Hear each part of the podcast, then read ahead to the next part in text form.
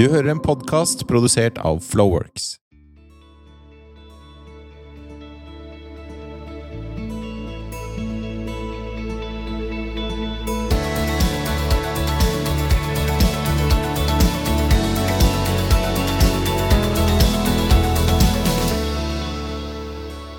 Hei, og velkommen til dagens episode.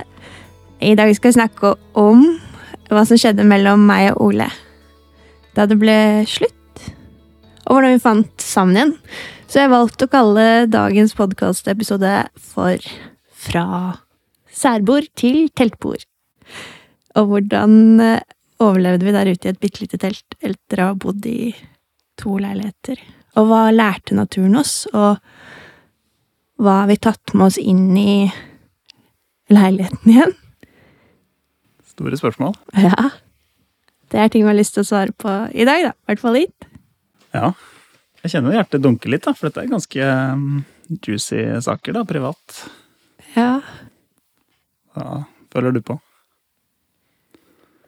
Ja, det er svært. Og det jeg frykter litt, er på en måte at man forteller noe overfladisk, og så kommer man ikke helt i dybden på en halvtime, på en måte.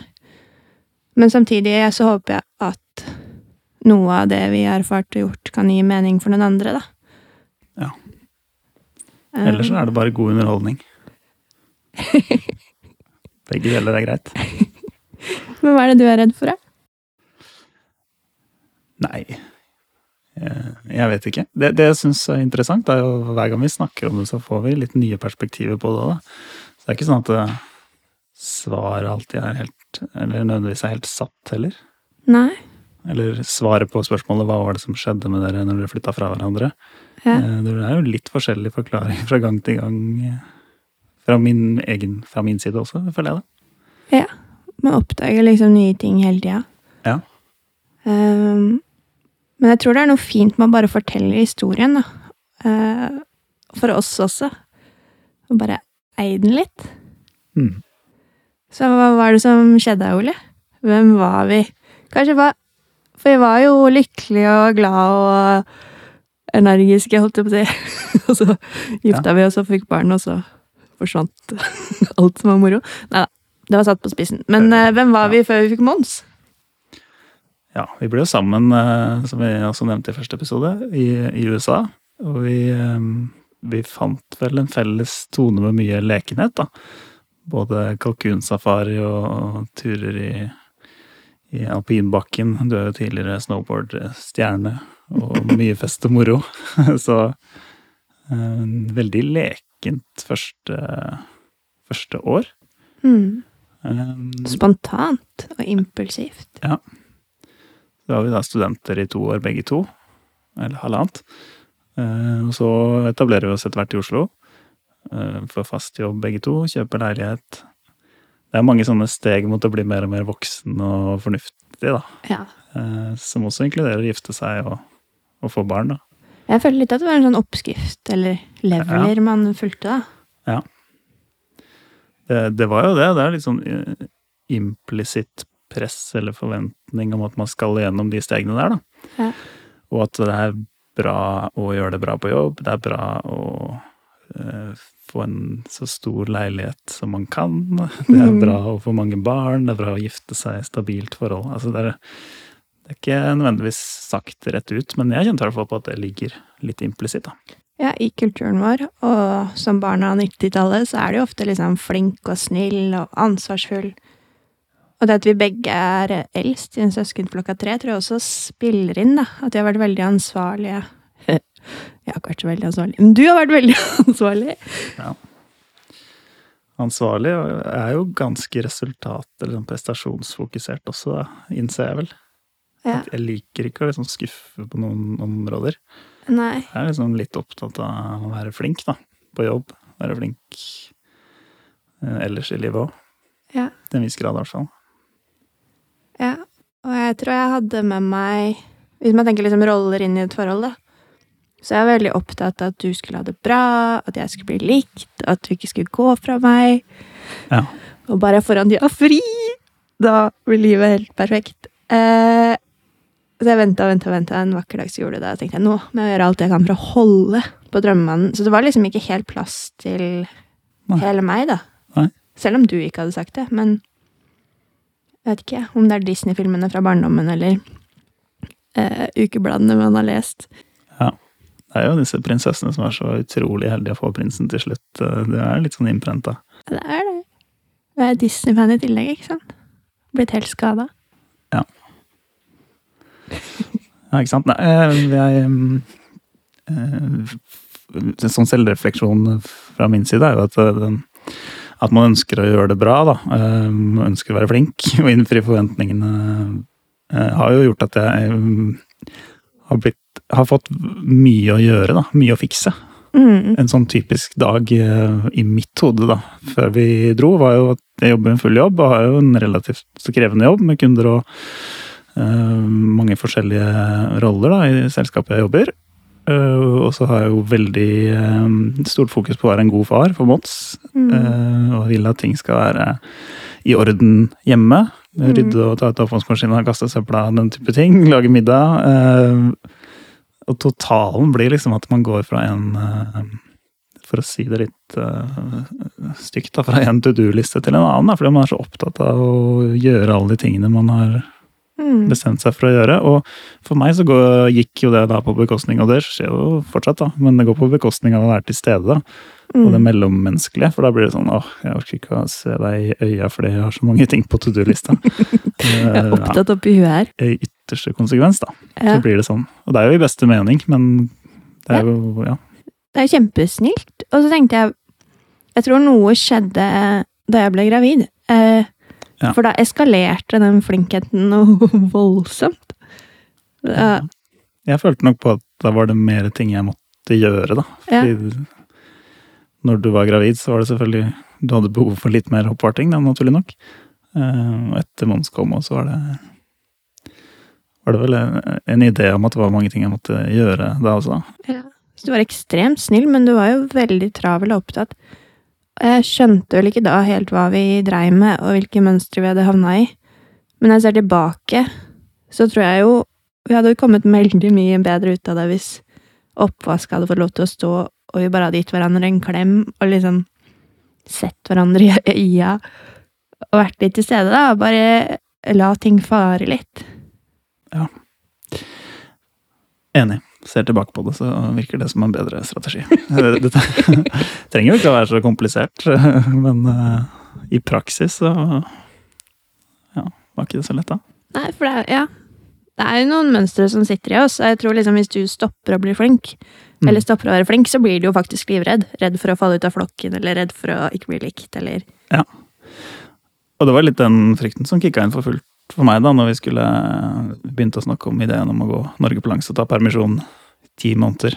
mm. At det liksom falt utenfor og ble irrelevant, og han prioriterer ikke jobb, han bare soser rundt i skogen med familien sin. sånn. Masse sånne krisetanker, da. Ja. For det Jeg husker liksom det var to sånne litt sånn aha-øyeblikk. For hvis man spoler litt tilbake, da, så Ok, eh, gravid, Mons Og så kommer det et tidspunkt hvor jeg bare kjeder meg noe så sjukt. Ja. Jeg syns livet er litt flatt, monotont, og så skjønner jeg ikke helt hvor vi skal videre. Eh, jeg skjønner ikke om vi skal få et barn til, om vi skal pusse opp, om vi skal flytte ut av byen. Ingen av de oppskriftene samfunnet har gitt meg, liksom stemmer helt. Nei. Så da velger jeg å gå til psykolog, først alene, Mm. og bare hva er det som er gærent med meg, liksom. Ja. Jeg, jeg, jeg skjønner ikke helt hvor jeg passer inn. Og da tenker jeg det er greit å understreke at jeg sier ikke at liksom det å flytte ut av byen og det å få flere unger, det er ikke noe gærent med det. Jeg kunne ønske på en måte at jeg passa inn i det. Ja. Men jeg bare, det var et eller annet som stritta litt imot, og jeg fikk det ikke til. Uh, og da var jeg litt sånn uh, hos psykologen, så bare jeg, Hva gjør jeg nå, liksom? Og da sa hun da at dette høres ut som parterapi. Jeg lurer Ja. på om vi skal invitere inn mannen din også. Ja. Eh, Det gjorde dere. ja, du var velkommen inn. Ja. Men jeg tror det var litt skummelt. Jeg følte, det virka som du følte deg litt sånn anklaga på en måte av hele prosessen. Mm, ja. Eller? Det kan du si. Ja. Det er jo mm, ja, Kanskje det bare liksom bryter med det å være flink, eller at det bare er- er et problem som jeg vant, jeg vant til å løse problemer, da. Og, så var det ikke noe god løsning, eller så ikke løsningen. Så det var litt sånn vanskelig. Ja. ja, for du har løpt rundt og fiksa og ordna alt, og så er det fader meg ikke godt nok. Mm. Her har du løpt dritfort. Jeg kan ikke fikse mer nå. Og så var det kanskje akkurat den oppfordringen vi fikk, da, å slutte å fikse ting. Men det var litt ukomfortabelt for deg, tror jeg. Ja. Hva innebar det egentlig? Nei, altså det betyr jo å sette ned tempo og, og tenke at man ikke må prestere på alle områder. da. Mm. Det er, eh, men det er eh, et mønster som er ganske godt innarbeida, så det er vanskelig å bryte. Ja, at forholdet liksom er enda ting man skal være flink på her i verden. Ja. Hva kan du si, sånn flåsete sagt, da, så må man være flink på å ikke være flink òg, ikke sant? Ja. At det bare ser opp hva skal, skal tas ut av, og så stopper jeg meg selv. Nei, nå må du huske på, eh, det står jo på to do-lista at du må huske å ikke ta ut oppvaskmaskinen. og da blir det jo litt sånn poenget borte, da. Ja, for du var litt sint på meg noen ganger, og det skjønner jeg jo godt, da. Men litt sånn Fader, eh, altså, vil du ha et annet menneske, vil du ikke være sammen med meg? Altså, dette er den jeg er. Mm. Og det ble jo såpass betent og sårt. Og vi prøvde jo virkelig, vi gikk mange ganger i parterapi, og vi gikk på improkurs, og vi dro på masse parhelger, og vi jobba sånn med forholdet. Og allikevel så fikk vi ikke til, da. Det ble bare vondere og vondere og vondere. Mm. Sånn at til slutt så bare nei, vi må flytte litt fra hverandre. Ja. Det var, og det var vondt. Jeg tror jeg har fått en helt annen respekt for folk som går gjennom et brudd. Det er, ikke, det er ikke noe man liksom gjør fordi det er gøy. Nei. Og med et barn også som eh, begynner å bruke ord som mammahus og pappahus og alt det. Det er mange som har vært igjennom det. Det er jo ikke noe Det krever litt tilvenning. Det er ikke noe hyggelig å være i den situasjonen. Nei. Altså, de fleste barn vil jo, vår sønn inkludert, da, vil jo helst at vi bare skal være sammen, alle sammen. Hele familien. Ja, alle vil jo egentlig det. Alle vil jo at du skal gå. Ja. Man vil jo være flink i dette forholdet og dette familielivet òg, og så er det noen ganger Ja, jeg tenker at de som gjør det slutt, de er også De er modige, da. Mm. For man vil jo egentlig bare få det til å funke. Bite tenna sammen og få det til å funke. Det er mange som gjør det. det. Vi prøvde det en stund. Det er jo egentlig lettere det noen ganger, men så skjønner man jo at det er noe som ikke stemmer, da. Ja. Men ja. Det ble slutt. eh, på tross av alle tiltakene. Og når jeg ser tilbake nå, så lurer jeg på liksom Vi hadde riktig tiltak, men vi hadde for lite tid. Ja. Vi prøvde å presse inn parforholdet i en kabal som det egentlig ikke var plass til var ikke plass til parforholdet. Og det ble i hvert fall ikke noe tid til meg som enkeltindivid, eller deg som enkeltindivid. Nei. Vi forsvant jo. Ja. Eh, Ting føles jo mye mer som en sånn to do-liste når det blir så tettpakka. da. Du rekker ikke å kjenne på at du har lyst engang til å dra på impro-kurset, for eksempel. Da. Mm. Det, bare, det kommer rett etter en haug med andre ting. Ja, du bare er på tredemølla, liksom. Du bare Du bare løper. løper. Mm. Du stopper ikke å tenke. For det husker jeg også, jeg var veldig redd for første gang jeg var hos psykologen, at hvis jeg stopper opp, hvis ikke jeg liksom pusser opp eller får en unge, eller hvis jeg ikke er i siget, Ja. så kommer jeg til å skille meg. Og det vil jeg ikke. Nei. Jeg var livredd. Livredd for å gå av tredemølla litt. Ja. Ja. Jeg syntes det var skikkelig skummelt. Og så tror jeg jeg på en måte var litt lenger fram i prosessen enn deg, så da Ja. Men du hekta deg på et sted på veien her. Jeg lurer på det var den eh, Kan kanskje takke covid-19. Hva var det som skjedde med deg da, og Ja. hvorfor ble du plutselig åpen for å hoppe litt ut og dra på tur? ja. Det er sikkert mange som eh, ikke kjenner den delen av historien, som tenker sånn hvordan Det vi har fortalt fram til nå, hvordan kan dette paret ha bodd i telt sammen i ti måneder gjennom Norge? Men eh, ja, jeg tror også covid-19, koronapandemien, hadde litt med saken å gjøre. Vi ble jo tvunget til å jobbe på hjemmekontor som alle andre. Og fikk, mer, eh, fikk litt mer tid av det, da, faktisk. Mm. Følte at tempoet gikk ned et par hakk. En annen ting Jeg jeg ble jo mer bevisst på følelseslivet også, gjennom eh, et kurs som jeg hadde på jobben, faktisk, i emosjonell intelligens. Som eh, gjorde at jeg begynte å kjenne litt mer etter. Notere meg litt de følelsene jeg hadde, ta litt pauser. Ja. Og se verdien av det, da. Ja. Det tror jeg er en ganske sånn fundamental endring. At Tidligere så har jeg vært veldig sånn rasjonell på hva som er verdiskapende. da. Det er liksom bare jobbe eller fikse ting hjemme, på en måte, har vært verdiskapende. Og det å bare slappe av er på en måte litt bortkasta. Ja. Mens det skjedde noe underveis i pandemien, og det føler jeg at jeg har fått mer og mer innarbeida. At det er jo også en stor verdi å bare kjenne etter, eh, ta pauser, Hvile. eh, hvile. Etablere litt overskudd, kanskje. Eller hente overskudd. Ja, for jeg bor jo i et samfunn som bombarderer oss med informasjon hele tiden, og det er jo veldig lite tid til å prosessere Ja. noe inntrykk i det hele tatt. Så jeg tror jeg Jeg hadde glemt det, at jeg trengte tid for meg selv, og det var vel den store vekkeren da jeg bodde litt alene, da, før vi fant sammen igjen. Ja. At jeg trenger tid alene, og jeg måtte jobbe veldig med at det ikke var en avvisning av deg, da. Ja. Jeg trenger egen tid, men jeg er glad i deg, Ole, jeg er glad i deg. Ja, ikke sant? Det er, tror jeg er en sånn grunnleggende misforståelse oss to imellom. da. Ja. Eh, At du tenker at hvis du hadde bedt om alenetid, så hadde du avvist meg. Mm. Jeg tenkte at Ingrid er en helt annen type enn meg. Hun vil være sammen hele tiden. Så da får vi vel gjøre det, da. Jævlig Eh, slitsomt, Så egentlig, egentlig kunne begge to tenke seg litt mer alenetid, da. Ja, Men vi gjør det ikke fordi vi tror den andre ikke vil ha det. ja. Og når ting går så fort, så glemmer man litt å prioritere, da. Og så blir man sånn, ja, ja, vi har ikke vært ordentlig sammen, så nå må vi være sammen. Men så er det ikke noe kvalitetstid det man driver med. Man bare gjør ting ved siden av hverandre. Mm. Kvantitetstid, Ja. det er ikke så viktig. Har vi funnet ut. Nei. Så heller la litt alene, og så faktisk ha fem minutter, da. Hvor man faktisk ser hverandre i øya og har noe å gi. Ja. Um, mm. Ja, Men så oppi det her så fant vi sammen igjen, da. Vi var på Vi var jo mye sammen. Vi var jo en kohort. Ja. Eh, og ikke så mye sammen eh, med andre folk i en periode der. Mm. Så da fant vi sammen igjen. Ja. tempoet gikk litt ned, vi hadde kjent litt etter hver for oss. Du hadde vært på en date, jeg hadde blitt sjalu, jeg ble redd av pandemien, det var trygt å være sammen. Det var jo mange ting som gjorde at vi prøvde en gang til.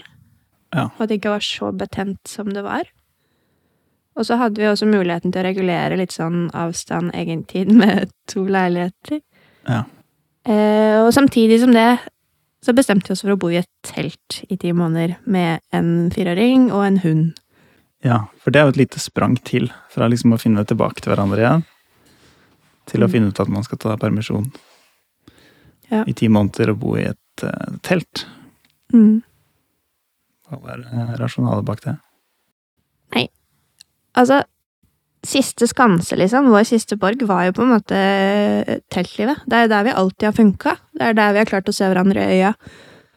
Eh, klart å legge fra oss telefonene, skjermene, oppvasken. Ja. Alt det der forsvinner når vi er ute i et telt, så jeg tenkte i hvert fall at eh, vi er gode venner, vi klarer å samarbeide. Ute har vi det bra. Det er ikke sikkert vi er kjærester når vi kommer til Dovre. Nei. For da var planen å gå fra Oslo til Nordkapp. Men jeg, da finner vi ut av det, da.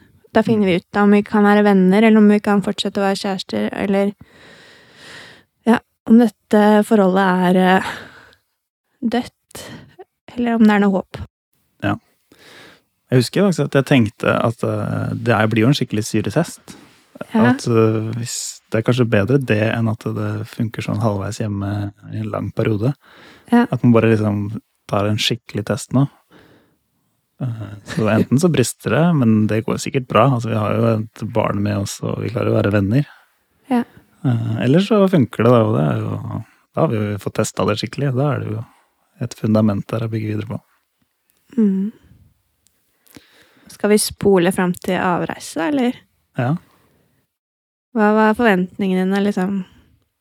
Tenkte du sånn, ok, dette skal jeg jobbe med når jeg er på tur, eller dette blir viktig å prioritere for forholdsdelen når vi er ute, eller bare hadde du noe strategi? Nei, jeg hadde ikke så mye strategi. Jeg tror, jeg, jeg tror det var mer sånn at nå skal jeg være til stede. Ja. Eh, og hvis jeg legger en god strategi, så kommer det litt i veien for å være til stede. For da blir jo det nok en ting man må huske på, eller Ja. Så du skulle prøve Din strategi var å slutte å ha strategier og slutte å være flink, egentlig, da. ja. Det funka, det. Men ja, men det var jo noen ting sånn som uh, være tydelig på hva man føler. Uh, prøve å ikke tenke for langt frem. Mm. Ta en dag av gangen, eller i hvert fall en uke av gangen for noen ting, da. Men liksom en etappe av gangen, og ikke se for langt fram. Ja. For det vi oppdaga jo raskt, at man kan jo fort bli veldig fiksete. Det er jo mye å fikse på tur òg, Ja. og man kan tenke langt fram, og man kan ha et skjema. Vi må nå Nordkapp, da. Da må vi gå så og så langt Ja, i ja så kan du bryte det ned. ikke sant? Da må vi være på kikkut uh, klokka ett dag to, på en måte. Ja. I verste fall, da. Ja. Men uh, vi klarte lyst til å styre unna det. Ta det veldig sånn eh, fra dag til dag, da. ja, og da var jo du veldig tydelig før avreise, egentlig. Sånn Jeg håper jeg klarer å kjenne Eller nei, du sa ikke håper, du sa jeg gleder meg til å kjenne på at vi er ubegrenset med tid. Ja. Jeg var litt sånn eh. Jeg Ja. tror vi kommer til å telle kilometer, jeg tror vi kommer til å stresse. Men du var også opptatt av at vi ikke skulle ha Nordkapp som et absolutt mål. Mm. Ja. Det Så jeg var nok litt eh, bevisst på at vi ikke skulle havne der. Mm. Vi er flinke i kilometer. Ja. Ja, så vi la fra oss tall ganske fort, egentlig. Mm. Og det er litt sånn gråberegninger for å huske å handle nok mat og sånn, men Ja. Det var litt sånn hva trenger vi tallene til? Og det Ja. eneste jeg fant ut at vi virkelig trenger det til, er eh, er det egentlig, da. Med hvor mye fremdrift har vi i forhold til hvor mye mat vi har i sekken. mm. Eh, Det er viktig å ikke bomme på. For det blir klønete. Ja. Eh, Men eh, utover det, så Ja. Og da la vi inn litt sånn buffer, da. Med ekstra mat nederst, så vi skulle slippe å stresse for mye. Sånn real i bånn. vi hadde mange situasjoner hvor vi hadde mye kjedelig mat igjen. Men vi hadde vel ingen situasjoner hvor vi ikke hadde mat, måtte gå sulten. Det klarte vi å styre unna. Nei. Hvis Mons hadde vært her, så tror jeg han hadde sagt noe annet, da. For jeg synes det var ganske kjipt noen ganger. Mye kjedelig mat. Husker han fant noe bringebær da jeg var i Lyngen, og bare Endelig! Noe mat jeg liker! Ja. Men hvordan, hvordan var forholdet oss to imellom oppi dette her? For eksempel da siste dagen gjennom Lyngen, da, når vi bare bare kjedelig mat, knekkebrød med ikke noe utvalg på påleggsfronten, slitne. Ja. Jeg tror vi har kommet fram til det at overskudd har jo mye å si, og at det er en batteribank vi må vokte. Ja. For at vi skal ha det bra sammen. Og hva er det vi bruker energien vår på, og hvem? Vi har jo snakka mye om det Mm. på vei nordover. Og jeg, jeg flagga ganske tidlig at hm, vi skal ikke jobbe litt mindre når vi kommer hjem, da. Ja. Og da sa du Det går ikke an. nei. Men det viste seg at det gikk an, da. Eh, Så det er en ting vi har tatt med oss eh, nå, føler jeg, å vokte mer med overskuddet, da. Mm. Og sette pris på det. Det er faktisk en stor verdi å ikke jobbe på fredager for meg. Ja. Det er viktig, det òg. ja. Akkurat som andre ting. Og må prioriteres. Tid er penger, og penger er tid, eller noe sånt. Mm. Hvorfor har det blitt viktig for deg, da? Å ha overskudd? Eller ha fri? Jeg tror det er en del innsikt fra den turen. Det ene er jo Det er mye som handler om følelser, da. Mm. At det på en måte har vært en slags uh, treningsleir i å forstå egne og dere, deres følelser da, i, i familien. Ja. Fordi vi har stått sammen i ting. Jeg har sett eksakt hva som påvirker, da, stort sett. I Ja. motsetning til sånn som det er i hverdagen, når vi er på hver vår front, og så møtes vi hjemme med forskjellige emosjonelle avtrykk fra dagen, så har vi liksom stått i det samme da, på tur. Um, Og da er det lettere å lese hverandre, og det er lettere å kommunisere mine egne følelser tydelig. Men det er også lettere det å kjenne på når man har overskudd og ikke, da. I et mer skjerma miljø. Merka jo ganske stor forskjell på mitt eget humør og dynamikken oss imellom, og med Mons, ikke minst. Ja. Eh, på starten av en etappe, da, hvor vi kanskje nettopp hadde hatt to hviledager. Ja. Eh, Vi hadde masse god mat i sekken. Kontra liksom innspurten, da. Etter seks-sju dager eh, sammenhengende med å gå eller padle eller hva vi gjorde. Og Ja. mat, all den beste maten har spist opp for lengst. Så det var sånn kjedelig mat igjen. Det er stor forskjell, da. ja. Så det du merker, er at ditt eget overskudd spiller en rolle inn i relasjonene? Ja. Men er Og det da, blir, da blir det viktig, da. Ja. For relasjoner er viktig. Eh, og eh, jeg tror det der ble borte i eh, alt fess i hverdagen. Da. Alt man har å tenke på. Ja. Eh, hvis man føler at man er litt bakpå på jobb og litt bakpå med oppvaska og bare er generelt stressa, så kjenner man kanskje ikke etter om man har overskudd eller ikke. Eller man, man har jo gjerne ikke det, da. Nei, det går for fort. Man blir kanskje ikke bevisst Jeg følte ikke at jeg var bevisst på det, egentlig. Nei, og jeg var ikke bevisst på deg heller. For jeg husker sånn bryllupstaler og sånn, var jeg sånn derre Ja, Ole er en bauta. Ole, det skal ingenting Eller han tåler alt, og ingenting kan vippe han av pinnen, og eh, han er så harding. Ja. Eh, og han må du være fornøyd med, Ingrid. Og så er jeg en sånn emosjonell sprett som er overalt og uttrykker følelser ja, mye. Eh, og du var på en måte mitt, forbilde, da. Eh, jeg vil bli sånn der trygg paute, jeg jo. Men så har jeg jo funnet ut at det er jo masse Når jeg bare begynner å se og forstå deg, Ja.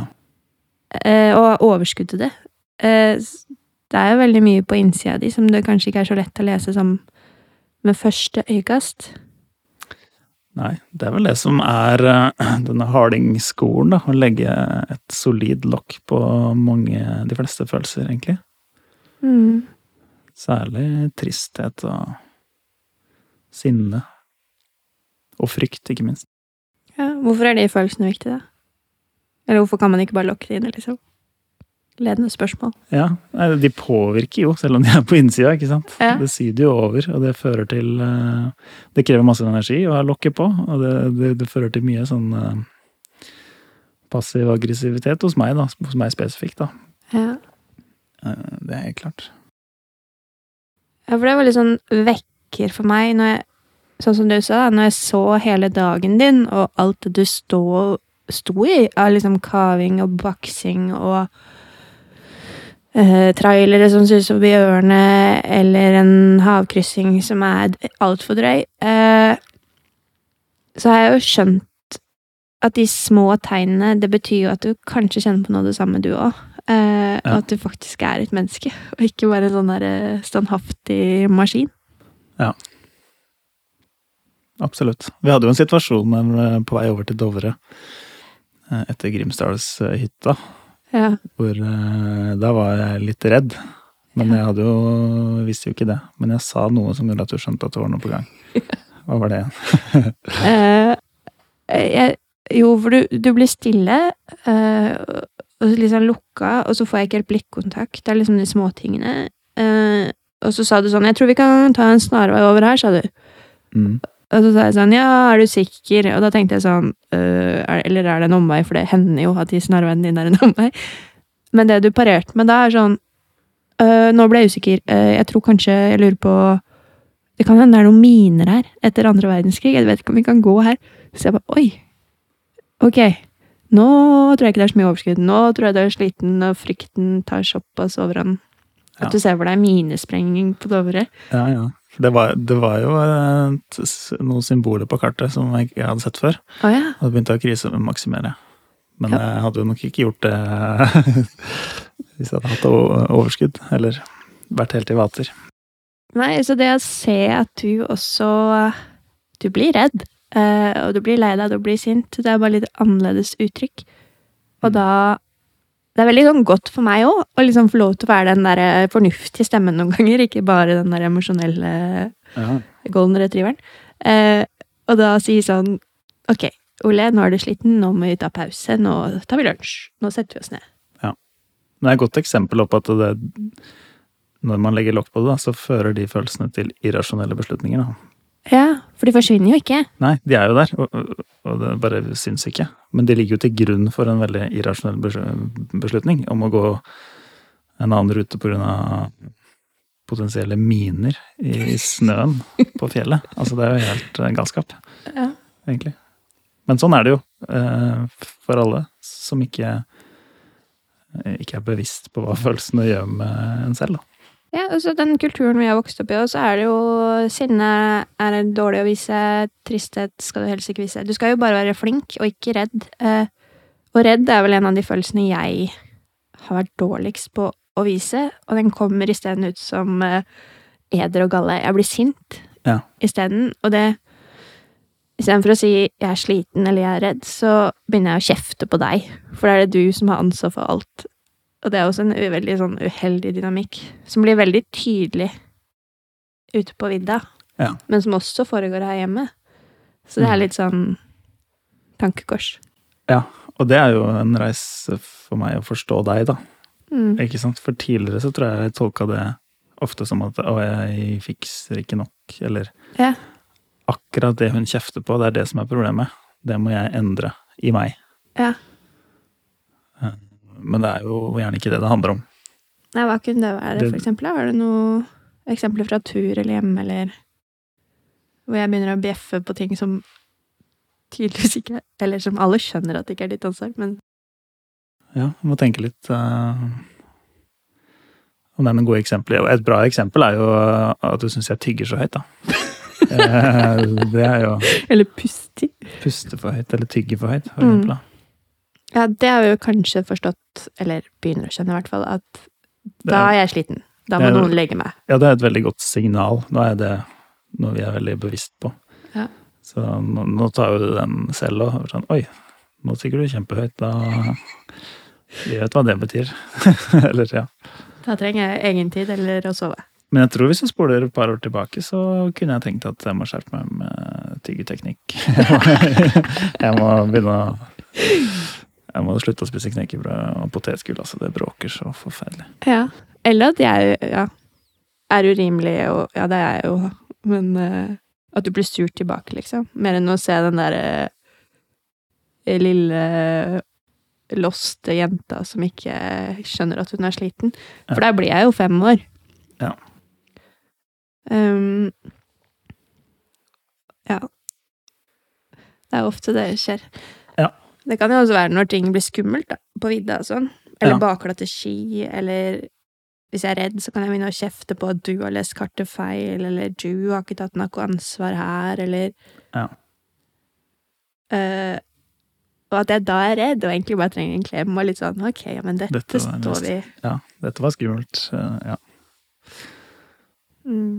helt klart. Nei, men uh, nå har vi jo vært hjemme et drøyt halvår, da. Ja. Hva er uh, annerledes, eller har vi falt tilbake i de samme mønstrene etter vi kommer fra tur? Mm, jeg vil si litt både og. Eh, for det er jo lett å sette opp farta når ting går veldig fort rundt deg. Eh, men jeg tror fordelen er jo at vi har litt tid til å hente oss inn på disse fredagene. Og siden vi jobber redusert, så har vi liksom satt av tid til oss selv. Og ikke minst å være mer på tur, da. Jeg føler at vi også kommer litt inn i den samme bobla igjen. Ja. Huske hva som er viktig, liksom. Så det er jo to-tre dager i uka jeg, føler at vi er litt der vi var før. Men vi er kanskje mer bevisste på hva vi driver med. Litt sånn ok, nå er vi der igjen, ja. Eh, Det betyr at vi må snart lade. Ja. Jeg tror ikke det er alt vi klarer å komme oss helt unna. Nei, du kan si vi har litt erfaring med det, da. Og et språk for det, og Ja. kjenner igjen mønstrene. For jeg tror på en måte parterapeuten ga oss språket, men at rammene var ikke der. Fordi vi, det gikk for fort uansett. Um, Ja. Og så tror jeg også vi har jobbet litt med ansvarsfordeling. Uh, at jeg ikke gidder å være den derre prinsessa lenger som bare Du skal ikke være ansvarlig for min lykke, vi skal ta avgjørelser sammen. Uh, og det kan gjelde sånne småting som å lese kart. Hvis vi leser kartet sammen, så kan ikke jeg begynne å kjefte på deg etterpå. Nei. Uh, det er felles avgjørelser og felles ansvar for ting, da. Alt fra Hva kan det være? Uh, barnehagehenting til Ja, til middag, logistikk, planlegging, alt. Ja. Og at vi sammen også må gi litt faen. Ikke bare den ene av oss. Altså Ja. Hvis ikke kan det bli litt sånn der eh, dårlig dynamikk. At vi peker finger på hverandre. Mm. Eller? Jo, absolutt. Det, det kan være det. Det blir en skeivhet, liksom. Én tar ansvaret og gjør all jobben, eh, og føler liksom vekten av det ansvaret, og så kan det risikere at den andre blir frustrert når det ikke ble sånn som eh, det var tenkt, da. Eller Mm. ja. Hva tenker du er den største forskjellen, da? Før og etter tur oss imellom? Jeg føler at vi er mer på samme bølgelengde med tanke på hva vi vil i livet, da. Jeg er enig i de tingene du sa, men i tillegg så er det det. I hvert fall, jeg var ganske begrensa av ganske mange regler da, som jeg trodde fantes. Ja. Forhold til å jobbe 100 altså man må satse karriere, må kjøpe en større leilighet. Når vi får råd til det, at ting ble litt låst, da. Og det vet jeg at du også kjente på. Mm. Men nå er ting Det føles mer åpent. Ja, hvordan da? Ja, måten vi snakker om eh, fremtiden på, da. At vi liksom ser mye mer crazy alternativer enn før. Hvor eh, det nok var ganske snevert i mitt hode, men eh, nå tenker jeg at ja, flytte til Costa Rica, det er jo absolutt innafor mulighetsrommet, eller ja, eh, hva som helst, eh, egentlig. Ja, at jeg prøver å finne ut hva som er grunnleggende sant for oss, da. Vet at Erling Kagge skriver mye om det òg. Det der å koke bort alt burde-burde og finne ut hva, hva gjelder egentlig for oss som par, da, og familie. Ja. Og det er jo helt sikkert veldig forskjellige løsninger fra par til par. Og, og man kan jo fort eh, omgi seg med mange som går for mye de samme løsningene. Det er jo mange som gjør det. Mm. Eh, jobber fullt, har barn, tre barn i barnehagen og bor i rekkehus osv. Men vi møtte jo noen Det syns jeg også hjelper. da, Vi møtte noen og hørte om noen som levde helt annerledes liv da, underveis på tur nå. Ja. Sånn den sveitsiske familien som har eh, fått fire barn mens de var på seiltur. Og vært ute og seila i 20 år, eller hva det var, og oppdratt disse fire barna på dekk. Liksom, det bare funker veldig bra for meg som en sånn Ja. Hvis det går an, så er det klart det går an å ta Mons ut av skolen et halvår for å ta en ny ekspedisjon, liksom. Det er mye som går. Ja. Um, ja. Det er godt å se alle disse eksemplene der ute. Og så får man plukke og mikse det som passer for en selv, tenker jeg. Ja. Men det hjelper å bryte ned de der reglene som egentlig ikke er regler. Ta de bort. Mm. Yes. Så det betyr vel at vi er, vi har funnet ut av livet, vi da, Ingrid? Vi er, i- vi er i mål? Runda livet? Nei. Nei, men jeg er veldig fornøyd med at vi er i en prosess, og jeg føler at da det ble slutt, så var vi ikke det. Vi sto bare og stanga. Ja. Eh, jeg tror kanskje Ja, det var jo mye feil med meg òg, men jeg tror kanskje du var litt redd for å gå videre på et tidspunkt. Ja. Så det, det er veldig godt å bare nå Ja. Vi utvikler oss stadig og finner ut av nye ting, og så håper jeg jo at vi kan slå og følge til grava, liksom, men jeg er jo også åpen der, da. Eh, går det ikke, så går det ikke. Og da takker jeg veldig for turen. Eh, og den har vært fantastisk og veldig bra. Ja. Så håper jeg den blir lang. Men jeg tror for min del at liksom Det å si sånn 'til døden skiller dere had, det er litt sånn Jeg får litt klaus, egentlig. Skjønner ikke hvorfor jeg skal gifte meg. Nei, men kanskje det er sånn når vi gikk Norge på langs, da. At uh, det blir jo vanskelig å planlegge for, øh, eller tenke at vi skal nå helt til Nordkapp med en gang. ja, Men kanskje ta en etappe av gangen. Ja. takk for Det var, Nå var med deg Det var veldig lurt sagt. Med det så tror jeg nesten bare vi må runde av, jeg. Vi har jo sagt veldig mye om forholdet oss imellom nå. Ja. Neste gang har vi noe annet spennende på tapeten. ja, da tenkte vi skulle snakke litt mer om uh, tredjemann, eller Mons, da. Ja. Hva skjer med oss når vi er på tur med en fireåring, treåring, femåring? Eh, hvordan takla vi trass og eh, lite søvn og eh, gjenglemte slanger og Pikachuer på avveie? På veien til Nordkapp, hva er det vi har lært? Hva er det vi sitter igjen med som foreldre? Hvordan være en familie på tur. Ja. I hvert fall hvordan vi var eh, vår familie på tur. Kan vi fortelle litt om. Ja, og så tenker jeg at dere får bare plukke og mikse. Vi sier sikkert masse som ikke stemmer for dere. øh, og kanskje noe gir noe mening. Så vi har i hvert fall lyst til å dele det, og så håper jeg at det kan være til hjelp eller inspirasjon. Eller bare som tidsfordriv for Ja. noen. Det blir bra. Ja, Og så håper vi også at vi får inn litt folk etter hvert, da. Som kan gjøre oss litt klokere og dele av sine erfaringer og være ute. Absolutt. Få noen andre perspektiver også. Eh, Det blir veldig spennende. Vi får mange bra gjester. Det er helt sikkert. Stay tuned. Takk for at dere hører på Tyretroll podcast. Takk for følget. Ha det.